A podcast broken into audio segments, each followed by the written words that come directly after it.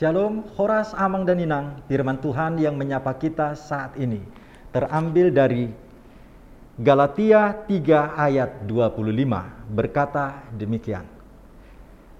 Sekarang iman itu telah datang, karena itu kita tidak berada lagi di bawah pengawasan penuntun. Dalam terjemahan Batak disebutkan demikian. Alaidung roh hapor seoni dang be ginonggoman ni si paroroti hita. Demikianlah bunyi firman Tuhan. Adapun yang menjadi topik renungan kita saat ini berkata, iman yang menyelamatkan bersumber dari Kristus. Berbicara tentang iman, tentu berbicara dengan kehidupan masa depan. Setiap kita memiliki impian, harapan akan kebahagiaan Tentu dengan daya juang usaha tidaklah cukup. Sebab itu semua hanya memuaskan perasaan yang bersifat sementara.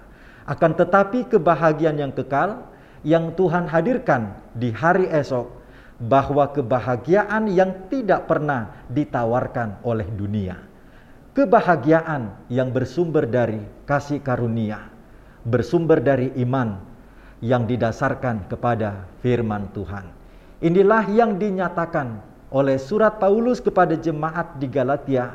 Walaupun hukum Taurat sebagai penuntun kehidupan rohani umat Israel dan umat Yahudi pada masa itu dan segenap kita di kekinian ini. Hukum Taurat memang berpengaruh besar kepada setiap kehidupan kita ke depan. Namun bukan menjadi penentu akan menuju keselamatan. Hukum Taurat ibarat seperti cermin yang boleh memantau dan juga mengawasi setiap kehidupan kita. Dengan demikian kita dituntun untuk mengetahui manakah yang menjadi larangan dan manakah yang menjadi ketetapan yang harus kita laksanakan. Sejauh ini Tuhan menyatakan apa yang dikatakan surat Galatia bahwa hanya karena iman kita beroleh keselamatan. Iman yang menyelamatkan bersumber dari Kristus. Maukah kita, saudara Amang dan Inang, memperolehnya? Tentu kita telah memperolehnya. Tatkala kita menerima peristiwa suci, yaitu nama kita disebut dalam pembaptisan kudus. Dan ketika dosa kita diampuni, tatkala Yesus menyerahkan tubuhnya dalam pelayanan sakramen perjamuan kudus, maka di sanalah kita merayakan kebahagiaan, keselamatan yang telah sempurna Tuhan sediakan. Selamat beraktivitas jemaat sekalian. Mari tetap mengikuti protokol kesehatan pemerintah. Selalu mengenakan masker saat beraktivitas di luar rumah dan kita tetap jaga jarak sembari kita pun rajin untuk mencuci tangan.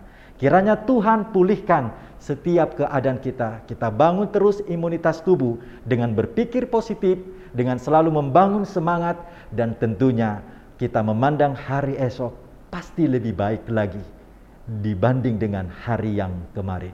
Tuhan Yesus memberkati kita. Amin kita berdoa. Terpujilah nama Tuhan, Engkau yang sungguh mengasihi kami. Yesus Kristus penyelamat kami. Oleh karena iman kepercayaan, Tuhan menyediakan keselamatan bagi segenap kami. Mampukan kami Tuhan untuk selalu berserah, memohon belas kasih-Mu Tuhan mengisi hidup kami dengan kebenaran firman-Mu. Dengarlah Tuhan permohonan kami. Anugerah Tuhan kita Yesus Kristus, kasih Allah Bapa dan persekutuan Roh Kudus menyertai engkau sekalian. Amin.